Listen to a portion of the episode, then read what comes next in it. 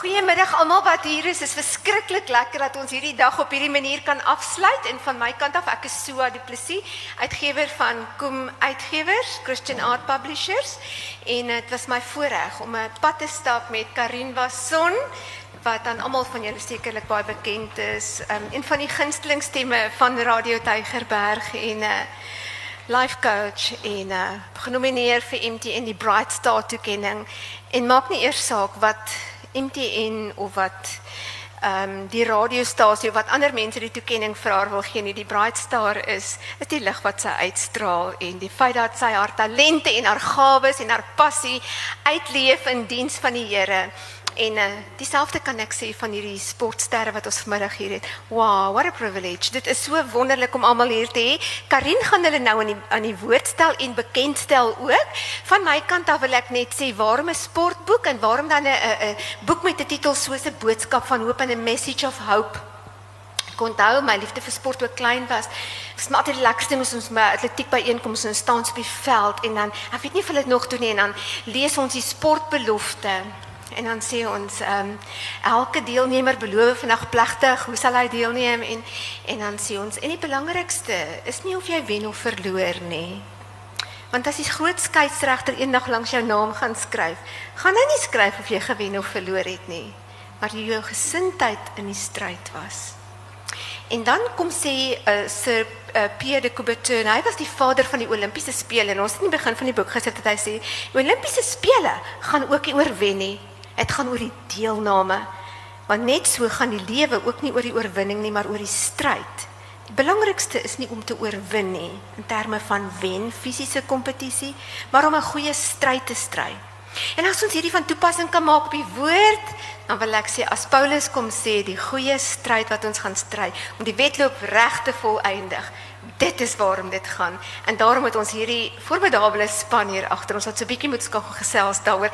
Karin, baie welkom. Baie dankie dat jy hier is. Dit is 'n groot spesiale lekkerte vir ons en ehm um, hoor aan jou en aan jou gaste. Kom ons gee hulle lekker hande klap. En net gou voor ons hulle in die woord stel is vandag Karin se verjaarsdag. ja, en en en ons gebed is dat die Here vir jou so spesiaal sal seën. En ehm um, dat jy regtig jou gehoorsaamheid en jou getrouheid aan hom sal uitleef in alles wat jy doen en mag jou net soos hy teenwoordigheid op baie spesiale maniere in hierdie hierdie jaar ervaar wat voor lê. Ons is almal baie lief vir jou. Baie dankie so. Goeienaand, is my regtig 'n groot voorreg om vanaand saam met een en elkeen te kuier. Die gesigte wat ek ken, natuurlik baie dankie dat julle hier is. Die gesigte wat ek nou nie ken nie, die name wat ek nie ken nie, baie dankie dat jy moeite gedoen het om 'n kaartjie te koop en deel te wees van hierdie ongelooflike aand. Net so in kort van my, want dit gaan eintlik nie oor my as skrywer en as samesteller van hierdie boek nie. Dit gaan eintlik oor hierdie vyf ongelooflike mense wat hier sit. En um, net so vinnig en 'n nette dop van my. As jy nou die boek 'n boodskap van hoop of 'n message of hope dan al gekoop het. Ehm um, so jy sien as jy oopmaak is daar 'n foto van my wat sit as 'n klein 5-jarige dogtertjie en ek sit letterlik net in my onderklere. En ek sit met 'n pen en papier in die hand. En agter my het ek nie 'n babie of 'n prinses teen my muur nie. Ek het 'n swaar gewig bokskampioen teen my muur geplak. Gerry Coetzee is teen my muur geplak op die ouderdom van 5. Nou ek dink dit som vir my mooi prentjie op van wie ek as vrou is. En ehm um, snaaks genoeg weet mense so maklik dat hulle logies om rond mense se nekke hang. En ek dink as jy my in die oors, eerste oog opsig gekyk het, sê jy nou nie gesê het ek is 'n sportsliefhebber nie. Maar ek wil dadelik sê daar's nogal 'n verskil tussen 'n sportsliefhebber en 'n sportskenner. Kom ons wees eerlik. Né? Nee? Ja.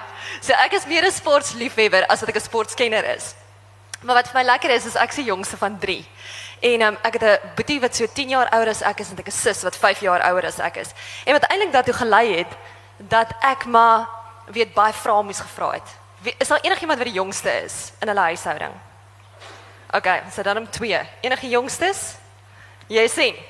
Nou ek dink daai mense sal weet en selfs dan af van wat se hiërargie jy in jou in jou huishouding val, is die jongste moet nou maar net groot word. Is ek reg? Weet jy word nou maar net groot en jy vra ongelooflik baie vrae. En ek dink dit het my half my voetspore gegee in die beroep wat ek vandag staan. En dit is om vrae te vra en die regte vrae te vra aan mense wat ongelooflike stories het.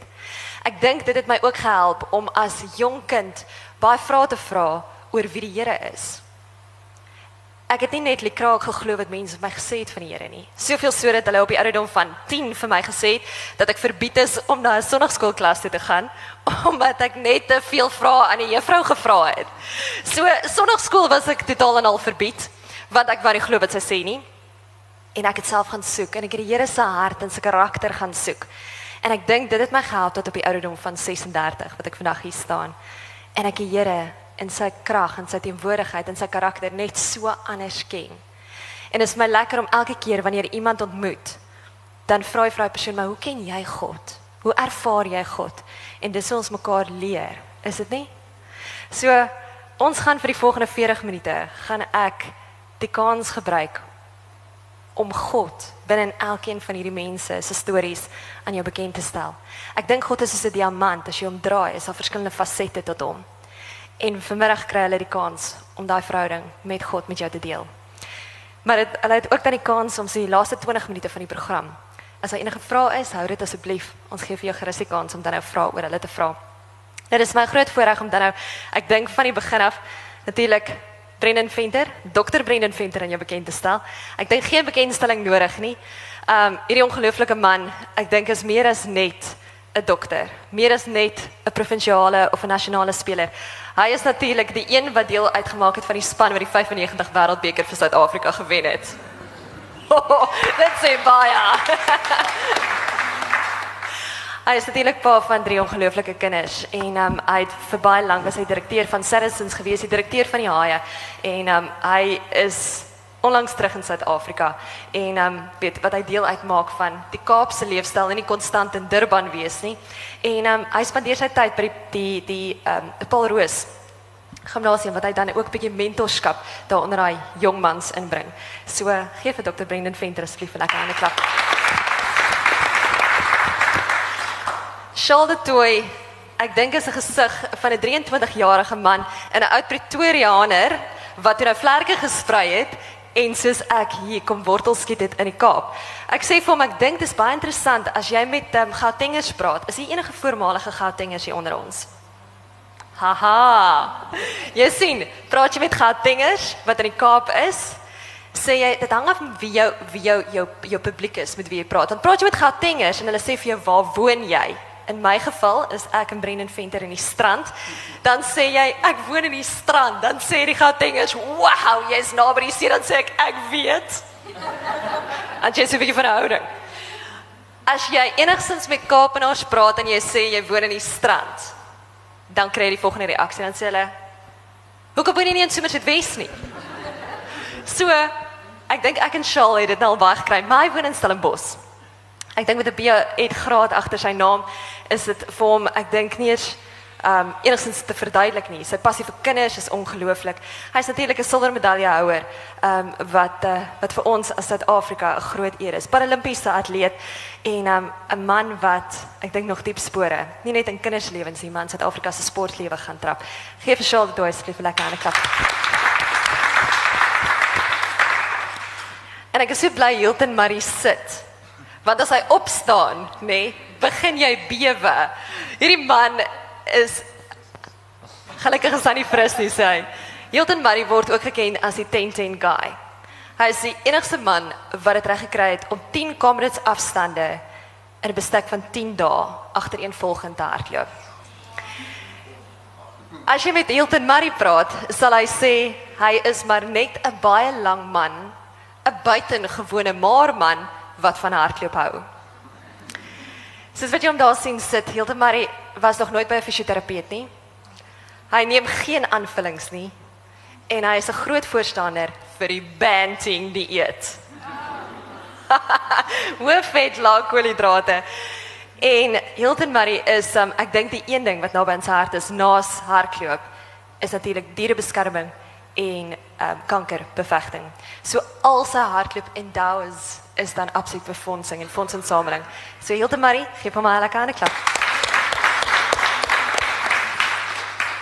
En dan is dit my groot voorreg om vir Cornel Hendriks aan jou voor te stel. Cornel natuurlik die juweel van Wellington. Ek dink ju- Cornel kan nie in Wellington rondstap want dan het hy ewe so skare van kinders agter hom. Want dit is vir hom ongelooflik om vir Cornel um, in in aksie te sien met kinders. Sy liefde vir kinders is ongelooflik. En um, die Cornel Hendriks Foundation het um, is op die been gebring so ruk gelede en uh, ja, hy doen ongelooflike werk onder die kinders. Cornel natuurlik wat um, sy buiging gemaak het op 'n 19-jarige ouderdom vir die Boland Cavaliers. En uh, kort daarna tussen die 2013 of 2012-2013 seisoen is hy toe opgeneem vir die Blitsbokke. Hy word ook gesien as die speler van die jaar natuurlik um, in 2013 omdat hy in 7 wedstryde 5-3 gedruk het. Is daar nogal iets? Ja. Hy maak ook sy buiging in die groen en goud en um, dis my interessant om te sê dat hy dit wel gedoen het teen News nee, teen Wa- Wallis. Ja, teen Wallis en hier's die lekker ding om te sê. Hulle het natuurlik by die um, die Commonwealth of die die Statebond kom hulle as sewe span terug met 'n goue medalje rondom hulle nekke terwyl hulle Nieu-Seeland weer gebied het.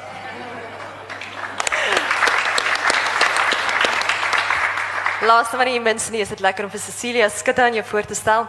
En dit is altyd vir my swaar, um as as sekere sportsoorte met alle respek teenoor ons rugby spelers natuurlik. Um dat sekere sportsoorte steeds maar heel agter um aan die aan die ek dink die food chain half moet eet wanneer dit kom by by blootstelling. Cecilia Skutte is 'n sportster in haar eie reg. Sy is ons ysmyl swemmer. Nou as jy nou nog nooit gehoor het van 'n ysmyl swemmer nie, is dit hoe 'n ysmyl swemmer lyk. Klein botteltjies, groot gif, 'n silwer medaljehouer wat Suid-Afrika verteenwoordig het tussen duisende lande by die winterspele. Ongelooflik wat hierdie vrou kan doen. Net in 'n netedok voordat sy vir jou haar getuienis begin vertel. Sy is die enigste vrou wat ehm um, ek wil amper sê die enigste persoon, maar die enigste vrou ook, enigste persoon wat nie een keer of twee keer nie, maar drie keer rondom Robben Eiland geswem het.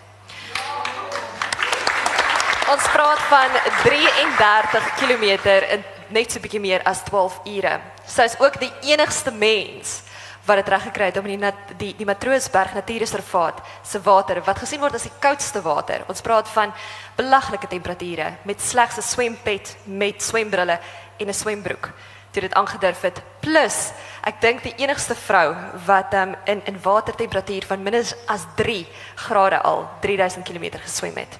So um, gee vir haar 'n klap. Dis Cecilia Skutte. En nou dat julle almal weet met wie ons praat, wil ek hê jy moet jou stoel lekker reg skuif. As jy ons nie gemaklik kan sien nie, asseblief skuif uit sodat jy hulle gemaklik kan sien. Want ons gaan vir die volgende halfuur so 'n bietjie praat. Is almal gemaklik? Ja. Hier gaan ons. Asai. Ek dink dit sal heel gepas wees as ons begin met Brendan Venter. En um vir Dok Brendan Venter vra weet. Ek dink in die boek toe ek jou gekontak het. Dit was vir my ek dink dit was my tweede natuur om 'n groot sportster van 95 wêreldbeker te kontak en jou naam was heel eerste op my lys. Ek het letterlik vir Brendan Venter omtrent gehond. Hy het uiteindelik terwyl hy in Kenia was, het hy vir my uit die hotel uit vir my 'n boodskap van hoop op sy foon uitgetik op 'n boodskap. En ehm um, dalk ek wil graag vir jou weet, weet, 'n boodskap wat jy vir jong mense sal gee oor ons land. Baie mense is so mismoedig oor wat aan die gang is in ons land. Is daar hoop vir ons land of is daar nie? Ja, ek dink dis op die oomblik ehm um, veral in Stellenbosch is daar baie frustrasie met uh, wat aan die gang is.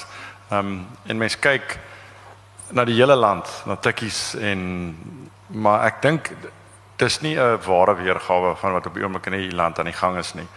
Ehm um, ek het die voorreg om elke dag in my praktyk met gewone mense te praat en te kommunikeer. Wit mense, bruin mense, swart mense en ek besef elke dag meer en meer ons is 'n land van goeie mense. Ek beloof jou daar's nie haat en bitterheid daar buite nie. Dit dit lyk baie keer so want ons miskien 50 mense wat ehm um, skreeu en goeders afbrand en breek, maar die deursnee ou is 'n goeie ou in ons land. Ehm um, en ek ek dink een van die groot voorregte uh, ons het al ehm um, ehm um, die voorreg gehad, jy weet kon al om reg oor die wêreld te reis met rugby vir al die sewens ouens Ek hulle was die groot reisigers. En jy kom eintlik agter hoe 'n wonderlike land ons het. Ek het um toevallig vir Rassie Erasmus 'n boodskapie gestuur gister oor sy plan om moontlik in Engeland te gaan afrig. En ek het eintlik net vir hom gesê, weet jy Ras, dis nie so lekker as wat hulle dink nie. Ons is 'n ons is 'n fantastiese land. So en een van die groot redes hoekom ek so positief is oor ons land is ons het die voorreg as jy in Australië is, jy sien letterlik nie armoede nie. Dis ongelooflik. Jy weet, jy selfs in Amerika, daar's nie baie plekke maar in ons land lewe ons saam met hierdie mense. En hierdie is goeie mense en baie keer as ons veral ons bevoorregte mense, die elite, want ons is almal die elite. Jy weet, ehm um, besef ons nie uh hoe swaar mense daar buite kry nie. En ons het die voorreg om elke dag iewers vir iemand 'n goeie ding te doen. En die een lekker ding van dit, want uh, veral in Kenia, toe ek daar gesit het, dis dalk hoekom ek so lank gevat het om te antwoord, want ek het nie geweet wat om vir jou te sê nie.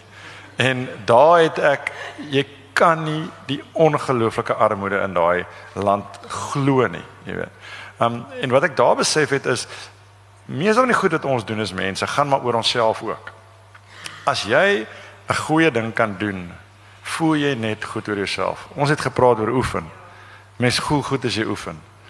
Maar probeer dit bietjie. Kyk hoe goed voel jy as jy 'n goeie ding doen vir iemand. En ons het baie geleenthede hier. En en daar was 'n tyd wat wat wat as jy die televisie kyk dat jy kwaad raak oor jy hierdie mense sien en dit was eintlik die laaste rukkie wat ek besef het hierdie goed wat ons so sien is 'n baie klein groepie. Ek wil hulle nie eers die minderheid noem nie. Ek wil hulle die wag weglaatbare minderheid noem. En daai mense het waarskynlik soos die kinders sê issues. En daai issues kom maar net uit op 'n ander manier. En jy moet hulle eintlik kyk en jy moet vir hulle jammer kry. Want die gewone mense op straat is top, top mense in hierdie land. So jy weet daai is hoe dit op die oomblik oor die land voel en dit maak my positief. Elke keer as ek frustreerd raak en negatief raak, dan besef ek wat ek daar lees is nie die regte mense nie. Die regte mense is ons Suid-Afrikaners, weet. Ek wil graag vir jou 'n stukkie lees um, uit uit Brendan Venter se boodskap van hoop. Hy sê wanneer probleme opstaan of ontstaan, is dit die beginsel van die medisyne waarop ek terugval. Soms maak dit nie saak hoeveel kennis 'n mens het, hoeveel deursettingsvermoë jy het of hoe hard jy werk nie. Daar is soms veranderlikes wat nie voorspelbaar is nie en dit is iets wat jy net moet aanvaar. En in hierdie geval met ons land, hoef ons nie net terug te sit en net te aanvaar. Ons kan 'n verskil maak. Ons woorde tel krag. Ja, absoluut. Ek wil aanbeweeg en vinnig vir Shaal vra. Shaal, jy's ons silwer medaljehouer.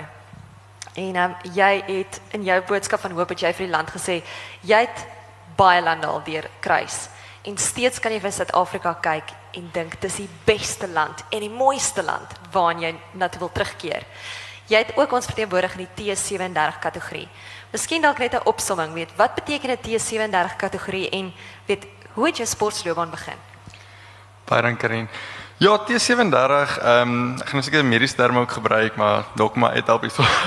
Ehm ek het cerebral palsy. Dit beteken die een kant van my lyf is so goed ontwikkel as die ander kant van my lyf. Dis my regterkant ehm um, is bietjie swakker ontwikkel as my linkerkant. My armlengte verskil so 3 cm en my bene verskil so sentimeter en 'n half. En my regterkyt se deursnee is omtrent so 3 cm ook verskil van my linkerkyt se. Maar ek het groot geword in 'n huis waar ek dit nie as 'n gestremdheid gesien het nie. My ehm um, ouers het my ook groot gemaak as waar niks fout was vir my nie. Ek het by ouderdom van 17 uitgevind dat ek kan klassifiseer om gestremde sport deel te neem.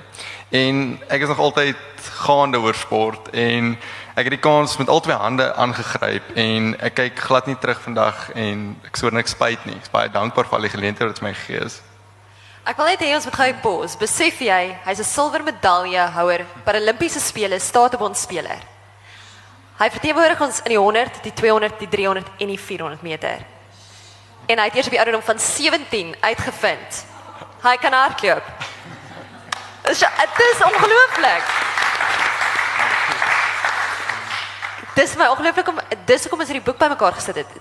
Is omdat hulle net so dink dis normaal. Dit is nie normaal nie. Dis ongelooflik. Dankie. Sjoe, jou ondersteuningssisteem. weet ek weet jou pa het 'n baie groot rol in jou lewe gespeel en weet vertel ons 'n bietjie daarvan. Um, ja, ek het maar in 'n sportmal familie groot geword en veral atletiek en my pa's um, atletiek afrigter van wat ek kan onthou. Ons het Saterdag, dit was of op die pad gewees om my ma oefen vir Comrades of my pa rig 'n klomp atlete af by atletiekbaan. Jy word, ek weet nie of jy Pretoria goed ken nie, maar langs Pilditch se se atletiekbaan, ek het daarin groot geword. Ek in daai sandpit gespeel nie, dan is gehad my mannetjies al laat swem en ja, ek het baie nog groot geword en ek kon nooit verstaan hoekom ons so baie tyd langs die sportveld moet spandeer nie. As ek sê ek het hardloop verpes, al wat ek wou doen is 'n cricketspeler geword het. Maar dit is nie so uitgedraai nie, maar ek besef nou eers seker omtrent die laaste 2 jaar wat dit beteken om regtig lief te wees vir iets en jou tyd op te offer vir mense wat in dieselfde ding glo as jy. En al kry se skoolkind byvoorbeeld nie die ondersteuning by die huis nie, het jy as afrigter ook daai verantwoordelikheid om vir hulle daai ondersteuning te gee dat hulle net weet iemand is daar en iemand deel hulle passie en hulle visie wat hulle het, deel hulle. En ek dink dit is die grootste ding want jy haal soveel van daai mense se spanning en druk wat hulle het, moet jy afhaal en die einde moet hulle dit net geniet. Dis die belangrikste. Ongelooflik. Ons beweeg aan en ek vra vir Hilton Murray vandag. Ehm um, Hilton, jy het net so sjaal op 'n baie laat ouderdom in jou lewe begin belangstel in sport en dit was half toevallig. En dit was as gevolg van 'n onderwyser, net so sjaal, wat die potensiaal in jou raak gesien het, is ek reg? Ja, ek het eh, ek het as as klein kind redelik ernstige niermoeilikheid gehad. En ehm um, ek ek mag nooit aan uh, kontaksport deelgeneem het nie. En ehm um, ek het in Oos-Vrystaat groot geword. Daar het jy al die seuns het rugby gespeel en al die dogters het netbal gespeel en daar was niks anders te gewees nie. en toe op ehm um, so 14, 15 jarige ouderdom het ek 'n wiskundeonderwyser gehad wat hy op daai stadium seker so 10 of 11 kommers al gehardloop.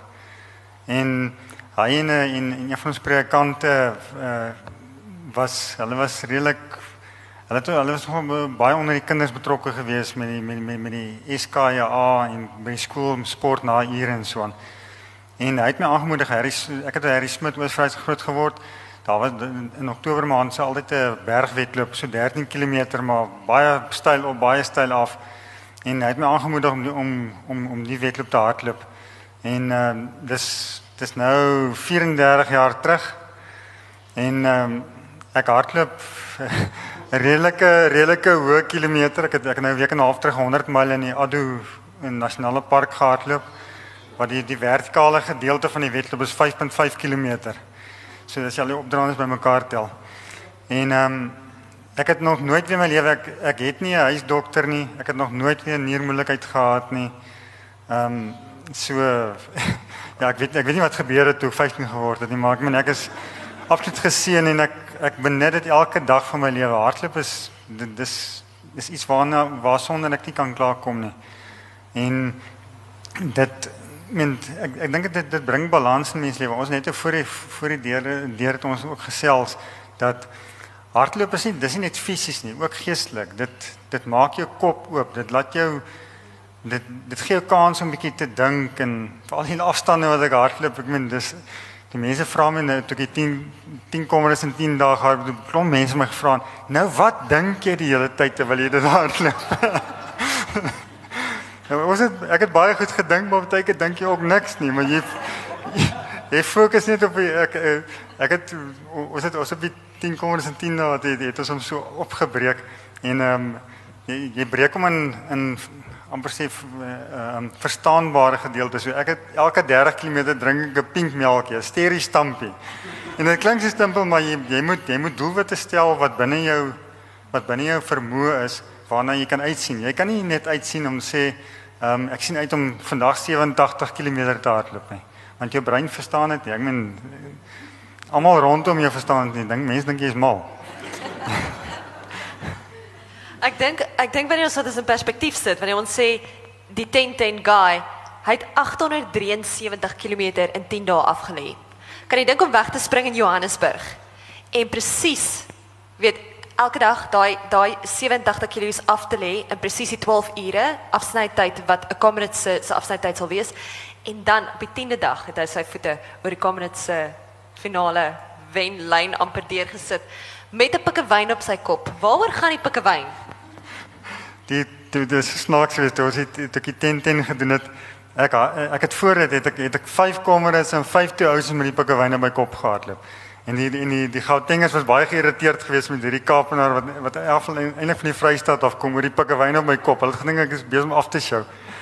En dit het eintlik dit het so fantasties gewerk want my, ons het ons het vir Pink Drive gehardloop en dan nou vir vir ehm um, 'n Pets in Township so dit dit dis 'n honde charity wat Hazel Moller het saam met my gehardloop het. Dit was was haar charity en ek het vir Pink Drive self gehardloop. En ehm um, en die die idee of die die die pikkewyn almal langs die pad het ons onmiddellik gesien en dit dit het redelik op die sosiale media dit het redelik gegons en dit was maklik identifiseerbaar.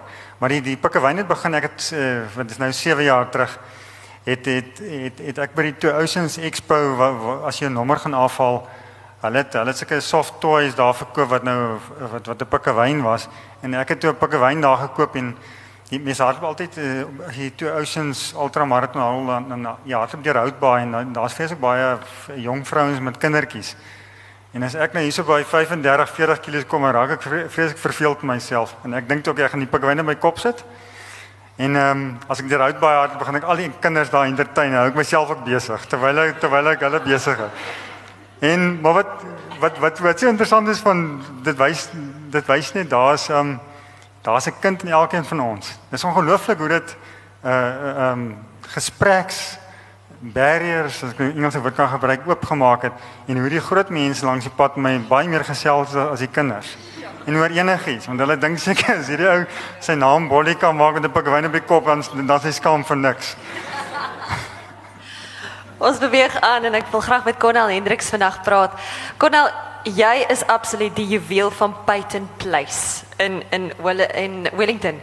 En um, ek wil vir jou vra, weet jy jy's jy's baie uitgesproke oor die feit dat jy kom uit 'n uit 'n agtergeblewe geskiedenis uit en jy staan vir die regte van jong mense om te sê weet jy kan jou drome sien waar word. Het op die op ouderdom van 19 hardloop jy vir die Boland Cavaliers uit. Het jy nog altyd 'n 'n groot droom gehad? Um hoe dit begin en hoe het jy dit reg gekry eintlik? Ja, dankie Karen. Um as toe ek maar jonger was, almal wat in Wellington bly en in die Python waar ek groot geraak het, wil wil rugby speel en daar was 'n veld in die in die agterkant net van my waar almal geoefen het. My broer het almal rugby gespeel daar en ek wou eendag net provinsiale rugby speel. En ek het nooit die kans gehad om om onder 16 of onder 12 of onder 13 te speel nie. Maar my my kans het gekom toe ek vir Roses United begin speel het klub rugby waar alles begin het en oud klub champs gespeel en na dit toe het hulle vir my Boland my kontrak aangebied om in 'n akademie te bly, Boland Akademie. En op die ouder van 19 het ek onder 19 ehm um, vir Boland gespeel en ook onder 21 vir Boland gespeel. Ek was die eerste jong ouetjie uit die akademie het wat kavaliere gemaak het. En snaaks genoeg as jy in Boland by 'n kavaliere speel, is jy baie geld wat jy kry nie. So om teen die Stormers te speel op Boland waar jy op pad is veld toe, was daar nooit 'n kar vir my nie. So ek moet taxi letterlik gevat het met my toksak en my al my toerusting moes ek taxi vat om nou net 3 of 4 ure teen Stormers te gaan speel. So dit was vir my baie snaaks as jy terugdink nou 4 of 5 jaar terug. Maar dit het my teruggehou van wat ek wil eendag word nie.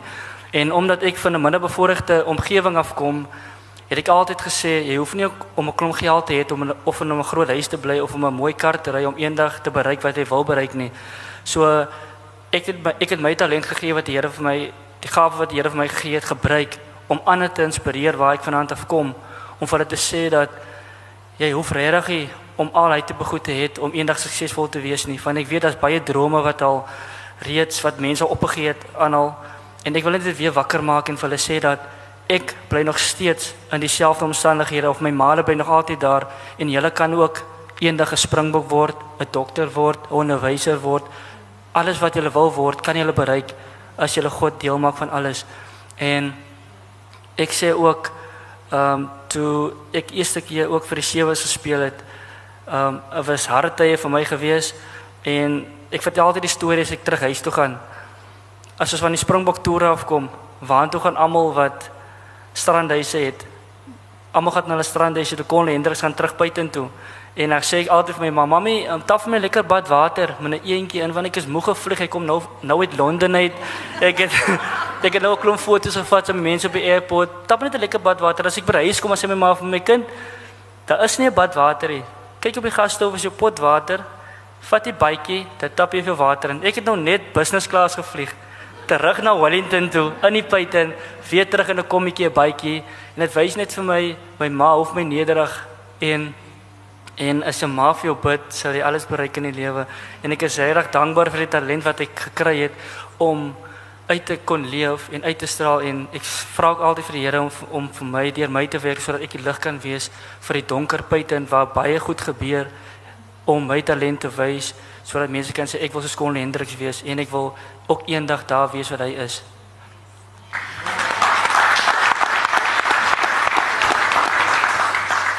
Konal, ek weet jy het tog al gewoonte, um, dat jy jy vat iets wat vir jou inspirerend is of dit nou 'n Bybelvers is en of dit iets is wat iemand vir jou gesê het en dan skryf jy dit neer en dan plak jy dit jou hele kamer vol. Doen jy dit steeds?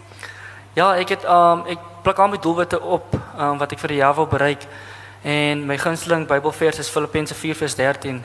Ja, jy jy stot alles in staat deur die Here wat jy die krag gee. So dit is my vers waar ek ook al gaan en nou met as ek as ek terugslaai uit my loopbaan, gebruik ek altyd die versie en ook ehm um, opbouende of motivational quotes wat ek in my muur op staan, ehm um, plak. As ek soggens wakker word, wil ek remind word aan waarna te kom. Met alle respek gesê dat uh, 'n coach het eendag vir my gevra, "Hoekom wil jy goed doen in die lewe?" Toe sê ek, "Coach, ek wil nie teruggaan waarna te kom nie." En nie omdat dis met alle respek gesê, maar ek wil vir mense wys dat daar soveel meer soveel groter dinge is as net die Wellington en die Python waarna waarna te vir kom. So ek gebruik elke quote, elke Bybelversie om vir my te inspireer om goed te doen in die lewe. En soos ek gesê het voorheen, ek maak altyd goed deel van al my planne. Ongelooflik. Wow. Natuurlik Cecilia Skutte. Ek wonder net miskien moet jy net gou vinnig opstaan dat die mense het gesien hoe klein in statuur is hierdie mensie. Wag, dat ek opstaan en hierdie perspektief sien. Ha? Hoe klein is hierdie mensie? Nou kan ons die statistieke praat. Ek dink ehm um, wanneer ons sê jy is die enigste mens, Cecilia, wat 3 keer rondom Robben Island al geswem het. Praat ons hier van 33 km wat jy in 12 uur en 23 minute gehandhaaf het. Wêreldrekords het gespat. Jy was 'n silwermedaljehouer in die winter swemkampioenskappe in Finland. Jy het al geswem by 3000 meter bo seespieël met grade van -3 met net 'n swem of 'n baie kostuum, 'n swempet en swembrille.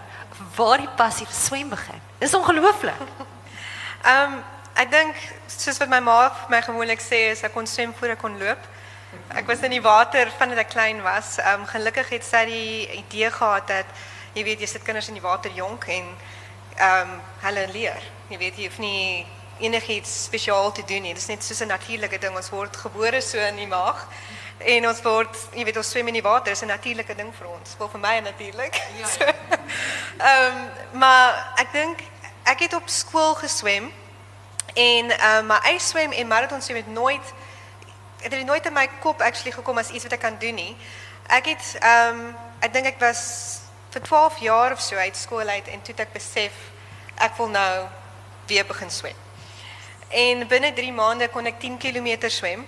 En ehm um, besef ek, wow, ek kan actually 'n lang afstand doen. Ek het nog nooit 10 km in 'n dag geswem nie. So ehm um, ek het my eie program uitgewerk. Ehm dit was toe die 10 km swem in 2008 uitgekom het. Ek dink in die Olimpiese spele was die eerste keer toe dit uitgekom het.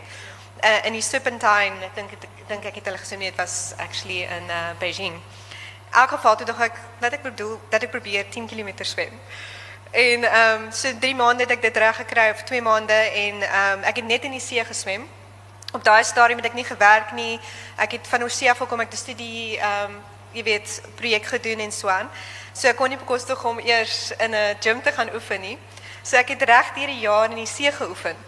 Ek het in Melkbos gebly toe. So in elk geval dit herinner my actually net aan 'n aan 'n snaakse dag, die een dag wat ek geoefen het in die see, het dit gereën en nie dit is daai brein water, jy weet as dit so ruk gegaan het en ek onthou ek gaan nou oefen en daar's surfers met hulle wetsuits. Ek's in 'n swembroek en ek sit my hande neer dit reën en ehm um, ek gaan nou hier's 'n ou tannie met 'n pink pak, hier's 'n melkbos en 'n poedel.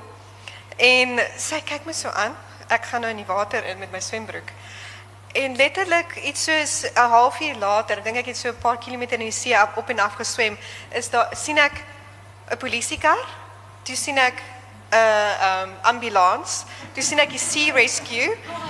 Toe sien ek een of ander paramedic ding. Hulle parkeer daar langs die ek weet nie of julle melkbos ken nie, maar langs die pad. Ek dink hy het 'n surfer nou iewers verdrink of Miskien moet ek terug op swem en gaan uitvind. En ek swem terug op en ek gaan nou uit en ehm um, toe is daai hele al hierdie visuele mense daarso. Is jy okay? Is jy die vrou het gedink ek gaan selfmoord pleeg. Ek kom toe nooit uit die water uit nie. Hier kom toe 'n helikopter oor wat hulle toe nou ook gehou. En dit is soos 20000 rand vir 'n helikopter. En ek gaan nie, ek doen dit elke dag vir van 4 uur af. Dit besef ek ek doen iets wat nie normaal is nie. Dis dit ek besef het. Glad nie normaal nie. Jy verstaan wat ek bedoel as as ek sê die mense se getuienisse en hulle lewens, dit is net totaal buite die norm. Cecilia, weet dis dis baie swaar om te sien dat 'n sport soos joune wat so uiters uniek is, wat ongelooflik is, weet nog steeds bitter min media kry. Weet, het jy borge wat jou ondersteun? Ehm um, hoeveel tyd vat dit vir jou om vir suits voor te berei? Ehm um, borge is nog steeds 'n probleem. Ek ehm um, probeer maar meeste van die geld myself insamel.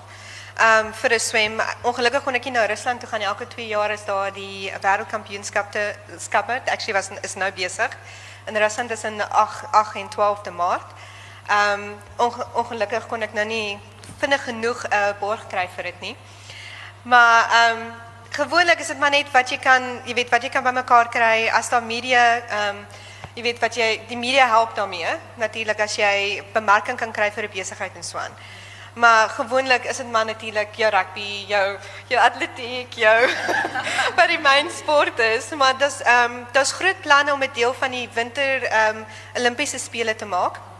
Maar daar's 'n hele strategie wat agter moet gaan met genoeg lande kry wat natuurlik deelneem in so iets en so aan. En is besig om aan te vat oral. Jy weet dit raak baie groot op die oomblik. Kom ons praat gou oor weet die die sport self. Ek Ja. dink te midde van die min blootstelling en natuurlik Ja. die befondsing wat altyd 'n tekort is.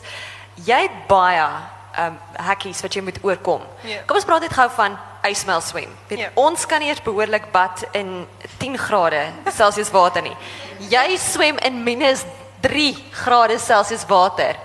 Ja. Vertel ons net gou die hele logika agter dit. En Ja. wat moet jy alles oorkom? Ehm um, ysmel swem, so ek het begin met langafstand swem. En dit was my passie. Ehm um, soos hulle extreme cold water swimming is die term. En ehm um, het net toevallig gebeur. Ehm weer ook 'n afrigter wat wat in my en my in, kon inskryf. Ek was laat ingeskryf in 'n swembad wat die eerste keer gebeur het wat in Sutherland was en ek was die enigste vrou in daai groep en ehm um, en ek het baie goed gedoen toevallig. Ek het ook nooit in yswater geswem toe nie. Ek het dit net gaan doen. En ehm die die voorbereiding van dit is heel anders. Gewoonlik so week of twee voor die tyd voor jy gaan yswem moet jy in 'n ysbad sit vir so 12 minute. 10 tot 12 minute. Ehm te dank aan I&J en hulle ys en hulle bad.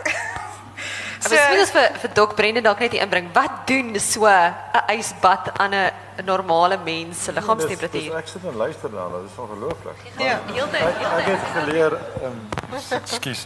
Uh, nee, ek mag leer mens ehm um, defibrilleer spontaan. Ja. As jy onder uh, jou liggaamstemperatuur tot tot 'n besekerde, ek dink is 29 grade val, Ja. dan fibrilleer jy net. Dan dan gaan jy basies maar net dood.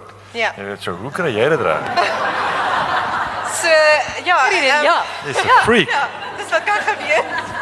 So, ehm um, in die ysbad is die temperatuur natuurlik baie keer kouer as wat dit in jou dam of waar ook al jy gaan swem wees. Ehm um, want is ys wat jy insit. Ehm um, ja, die temperatuur is so minus ek dink dit gaan kan afgaan na minus 6 uh, minus 8 grade wat jy insit.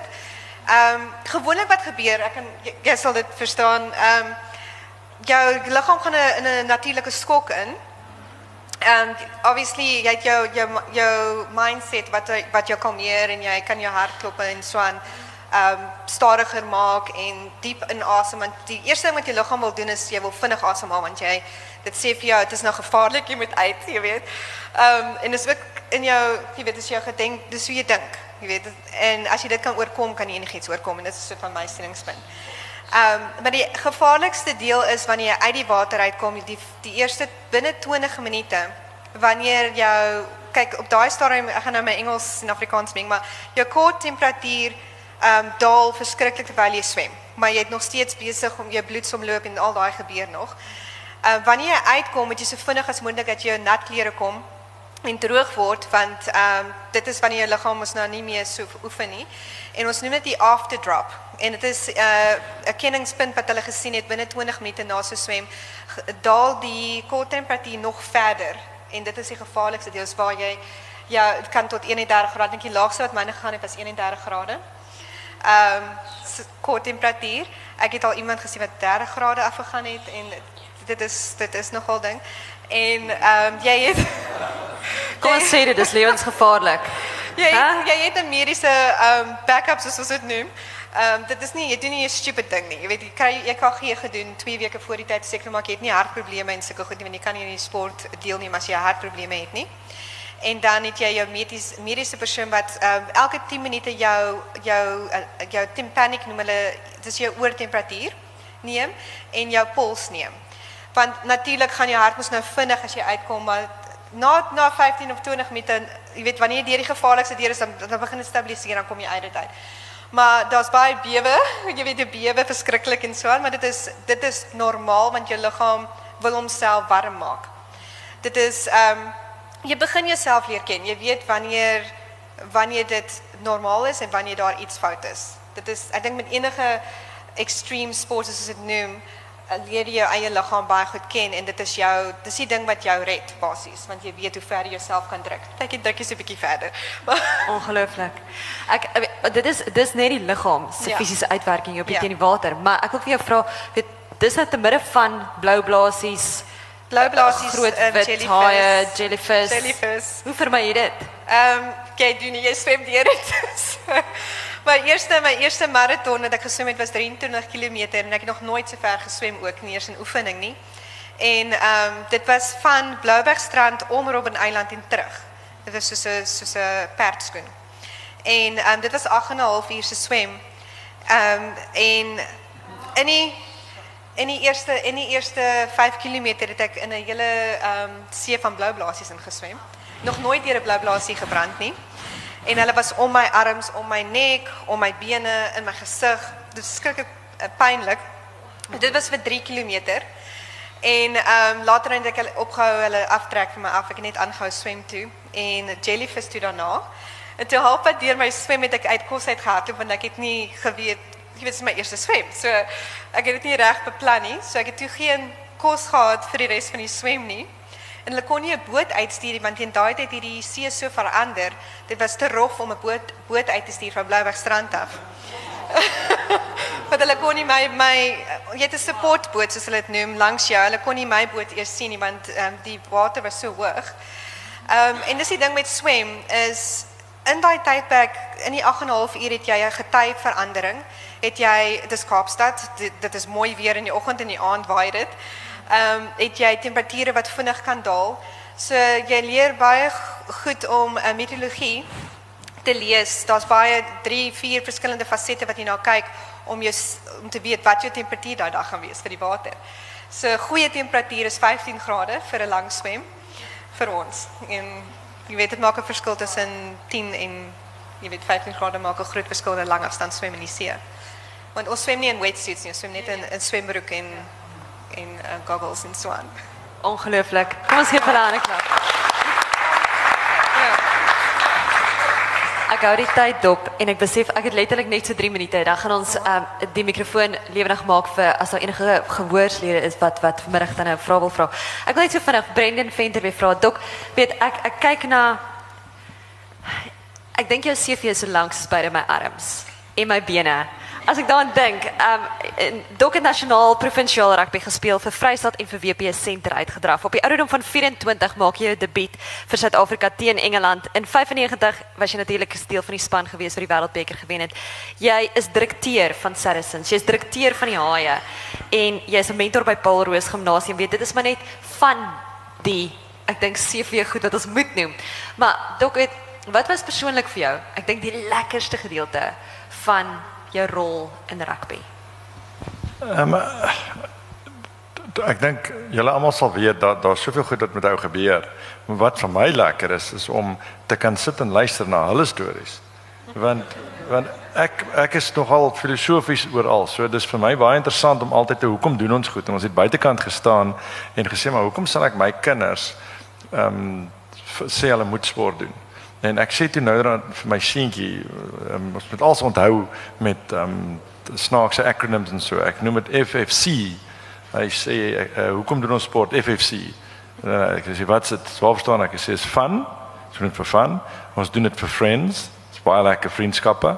Maar ons doen dit vir karakter. Nee, ons bou karakter en en dis wat vir my so lekker is. Ek en jy het rugby gespeel. En maar sy doen ongelooflike goeders om so ver te swem. Ek dink ek nog nooit eers so ver gehardloop het. Jy weet, en ek moan as ek van die strand af Stellenbosch toe moet ry. Dis 23 kg. Jy weet, en om 900 kg bykans te kan hardloop. Jy weet, en jou uh, uh, om onder daai druk te hardloop en en daai medaljes te doen in die oefen tye. Weet, ons het dit bou iets konnel, jy weet in ons. En ons het terugslaa wat ons moet beleef. En die mens wat jy op die ou end word langs die hele pad is eintlik maar te danke aan die opofferinge uh, wat wat ons gemaak het wat jy maak wat jy gaan maak jy weet. En dis wat jy vir my vra. Dis eintlik hoekom dit vir my so lekker is. En dan jy het 'n ander ding gesê wat baie waar is dat almal het 'n afrigter iewers wat in jou geglo het.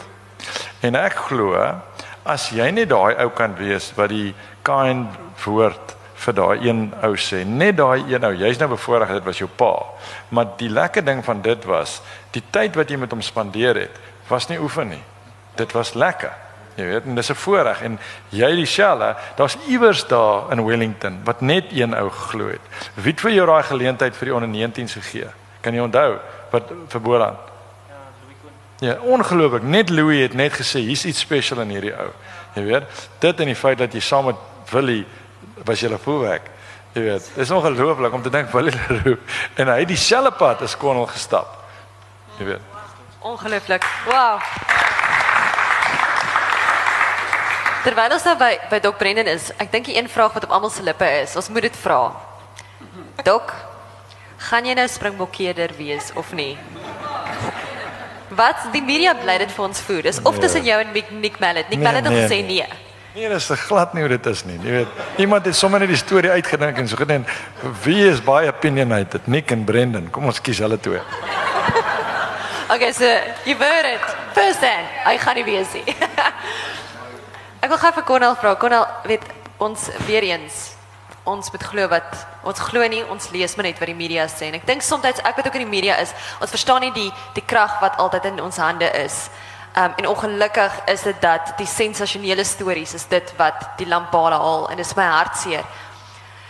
Kon al so wat is dit 8 weke gelede het ons die slegte nuus gehoor dat jy nie noodwendig deel van die Super Rugby gaan wees nie gevolg van ehm um, uh, ongesteldheid. Kom ons noem dit ons wil dit nie 'n siekte noem nie want ons besef woorde dra krag. So ons noem dit nie 'n siekte nie. Ons sê dis net 'n ongesteldheid in sy liggaam. Hoe gaan dit met jou gesondheid? Ja, op die oomblik gaan dit baie goed. Ehm um, ek het Desember maand het ek ehm um, terugslag gehad waar ek ehm um, verskriklike ehm um, bad news gekry het van die dokter self. Dat hulle sê daar's 'n probleem met my hart. So hulle het my gesê dat die kans is groot dat ek môre klaar maak met sal klaar wees met rugby. En die, die afgelope 2 maande was vir my die hardste tyd in my hele lewe van dis rugby is 'n groot deel van my lewe en 'n dokter het vir my gesê is moontlik dat jy moontlik kan klaar wees met rugby en ek het letterlik heeldag vandat die dokter my gesê het letterlik heeldag gehuil omdat dit is die meesste nuus wat ek ooit gehoor het maar ek weet omdat ek God my lewendige God dien het ek hom gevra en gesê al gaan dit watse kant toe.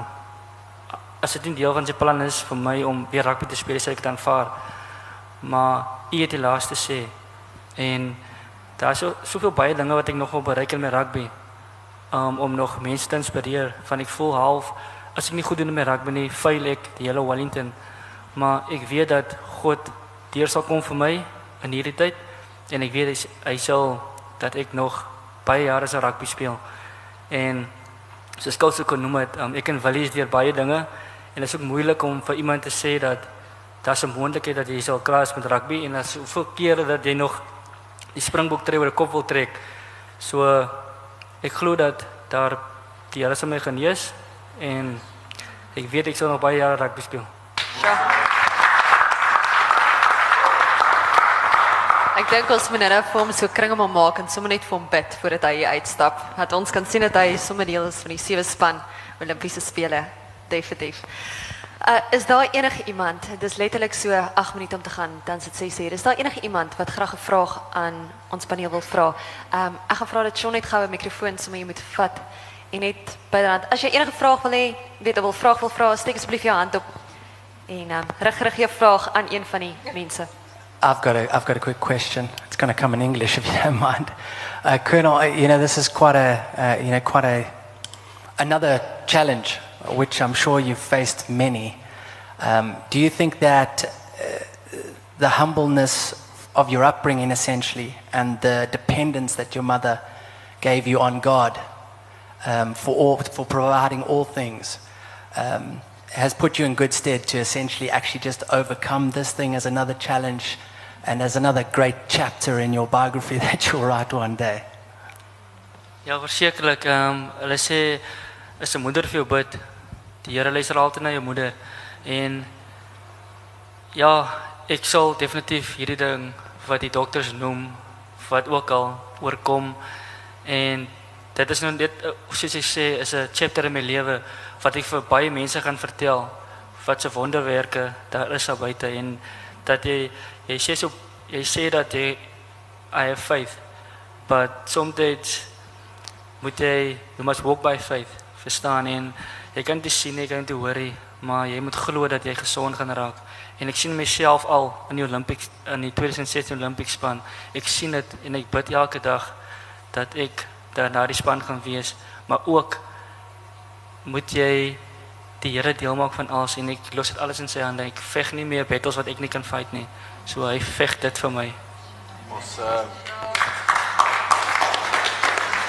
Is daar enigiemand anders wat graag 'n vraag aan, aan iemand wil stel?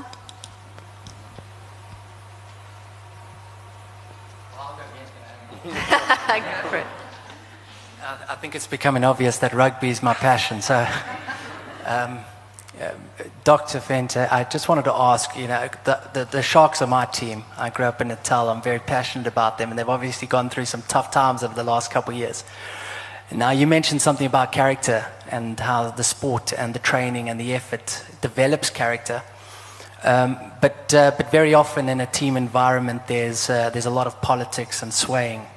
How does a director of rugby and a coach essentially uh, establish that character? Is it, is it led to, is it essentially um, emphasizing to the, the kids that are in this team that uh, it's more than just the game itself, it's the way they carry themselves off the field?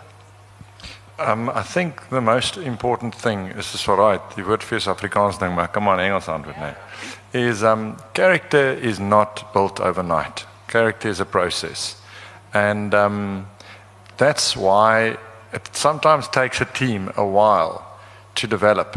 Sometimes you're lucky, you get good results very quickly, which is luck because because you can't argue it was your cleverness or your goodness that you get a good result because character is built. And good teams have a lot of character. That's just the way it is.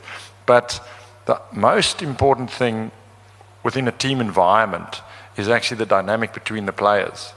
And the one thing of this current Sharks team is I know they enjoy each other's company. They are good people.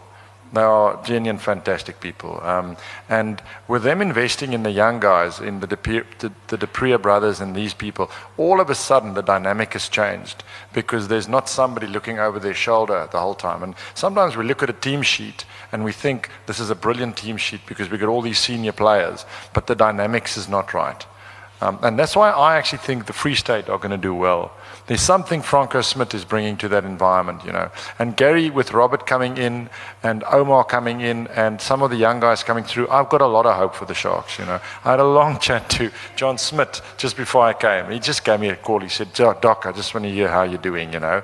And um, he, for instance, has got Edward Griffiths to mentor him now. And somebody mentioned the, the concept of mentorship how unbelievably valuable it is having someone there just to say, I've been there, you know, this is what I think we must do in this thing, you know.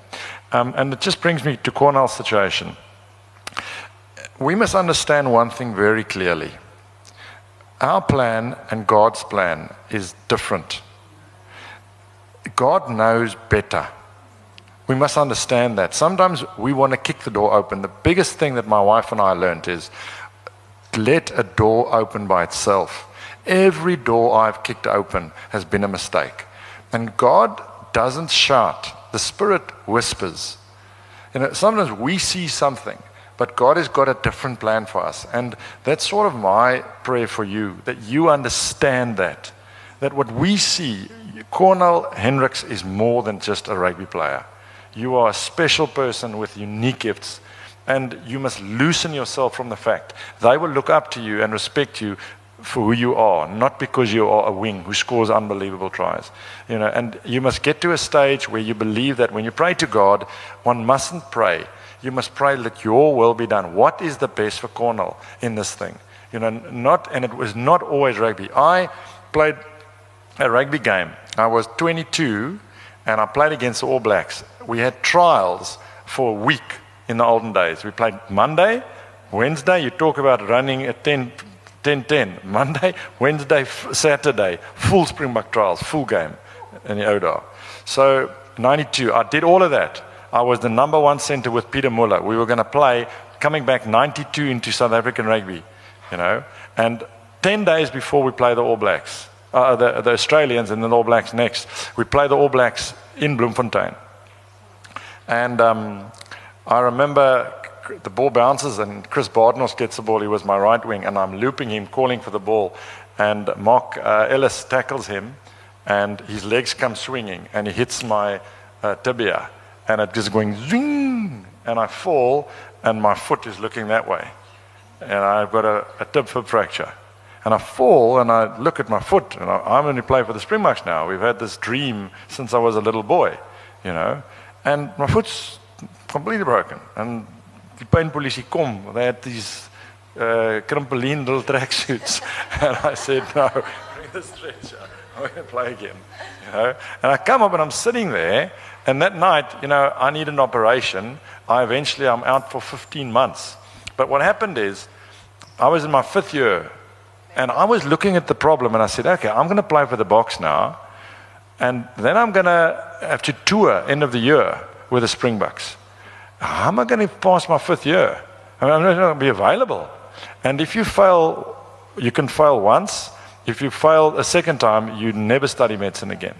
So I break my leg, and I, obviously I'm out. I, I, can't play rugby. I can barely walk. I get a, a, a, plate in my leg, and I don't play. And I, in my whole six year, I don't play. And I get my degree, and in my houseman year, I hunk a punk, and I start playing rugby again, and I get another opportunity you know. And you look back at that stage of my life, I thought it was a disaster, you know. And God literally went. Now I look back and I said, "Thank goodness, I listened," you know. Or He just grabbed me, and I think that's sort of what I say. We don't see in full at the moment. I promise you, one day you will understand. You know, all these things you're going for. It's almost as if you you just let it be you know, and, and you know, and, and you talk about character. That's unfortunately what it does. But when we're young and we fighters, we rugby players, we want to fight. Give me somebody, I'll fight him. You know, do something and fix me. I will fix my heart. You know, I will practice, I'll exercise, do an operation. And sometimes it's just you sit back and say, it will be the way it should be. That is what God says to you. Uh, you know, and um, yeah, that's basically what where character comes from. Is this concept of it, it molds you. The sport of us molds you.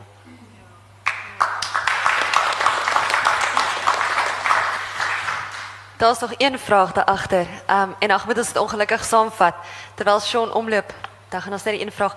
Ek dink Psalm 46 vers 10 het vir my so 'n 'n tasbare relevante skrif geraak terwyl ek die boek saamgestel het. Dit sê be still and know that I'm God. Wees stil en weet ek is God. En ek dink dis presies wat een en elkeen van hierdie mense begin ervaar het in hulle lewe van jong mense af. En in hierdie boek, as jy nou nog nie die boek gekoop het nie, nie omdat ons hom geskryf het nie, want ek sê ons is dit ons boek nie. Maar hy's ongelooflike ware lewensverhale wat jou lewe, wat jou kind lewe, wat mense ons wil so ver gaan om te sê selfs mense wat wat nie noodwendig gelowiges is nie, want dit is nie 'n Christelike boek nie, dis 'n boek vol inspirasie wat jy vir enigiemand kan gee en dit gaan 'n lewensveranderende stuk kennis wees wat jy in jou hande gaan ronddra. Net vir die laaste vraag wil ek net jou sê weet iemand byvoorbeeld soos welbekende sewe spelers soos Frankie Horn. Hy is net so shoal um of of soos Hilton. Min mense weet dit, maar Frankie Horn het ook net een nier. Hy mag ook glad nie kontaksport speel nie. Frankie Horn is vandag die een van die mees bekendste sewe spelers. Hy is vandag Frankie Horn. Iemand soos LJ van Sail wat ons nou weer in die Olimpiese spele gaan verteenwoordig.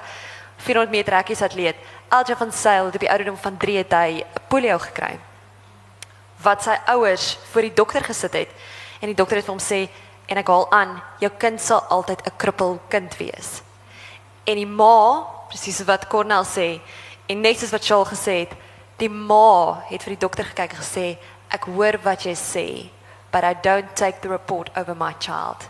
Woorde dra krag en sy het haar kind teruggevat plaas toe en sy het vir elke liewe plaas 'n bewoner gesê, nou bid ons oor my kind. En vandag is hy LJ van Sail. 400 meter rekkies atleet. En ek dink dis sulke stukke nuggets in in in kos wat ons van mense soos hierdie been there, done that, got the t-shirt wat ons kan van leer. Laaste vraag daar agter.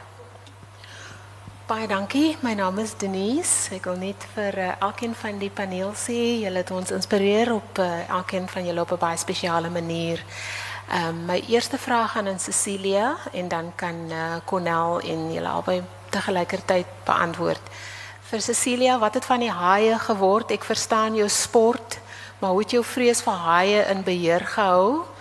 En dan uh, Cornel, ek het gehoor dat jy praat van mamma tap my bad, mamma doen dit, mamma doen dat. Nou, ek verlang om iemand se skoonseun te wees. En uh, ek uh, ek kan vir jou baie goeie proposition maak, maar uh, ek glo in Lobola.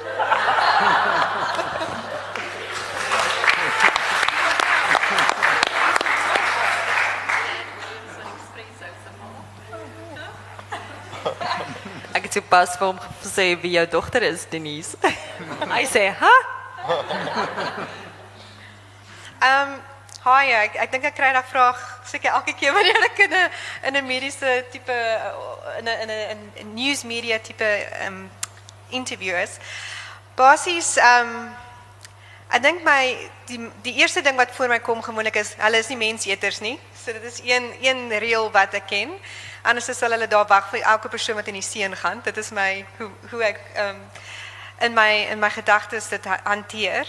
Ehm ons gebruik ook 'n ehm um, tipe dis 'n magnetiese tipe ehm um, elektroniese device wat ons op die boot sit wat 'n puls uitstuur. En ehm um, dit is omtrent 90 of 95% ehm um, hoe hulle sê effektief. Ehm dat haai nie actually daarvan aan nie. Dit is baie sensitief vir elektroniese pulse in die water. Um, wel, party van my swemme, vind ek sê, hulle het 'n battery wat kan uithardloop en ek dink op die een op my een swem het um, dit was op die 23 km swem eintlik. Het die ou vir my gesê, ons het vandag vanoggend 'n swemme deur die water gevat, so die battery gaan miskien nie lank genoeg hou nie.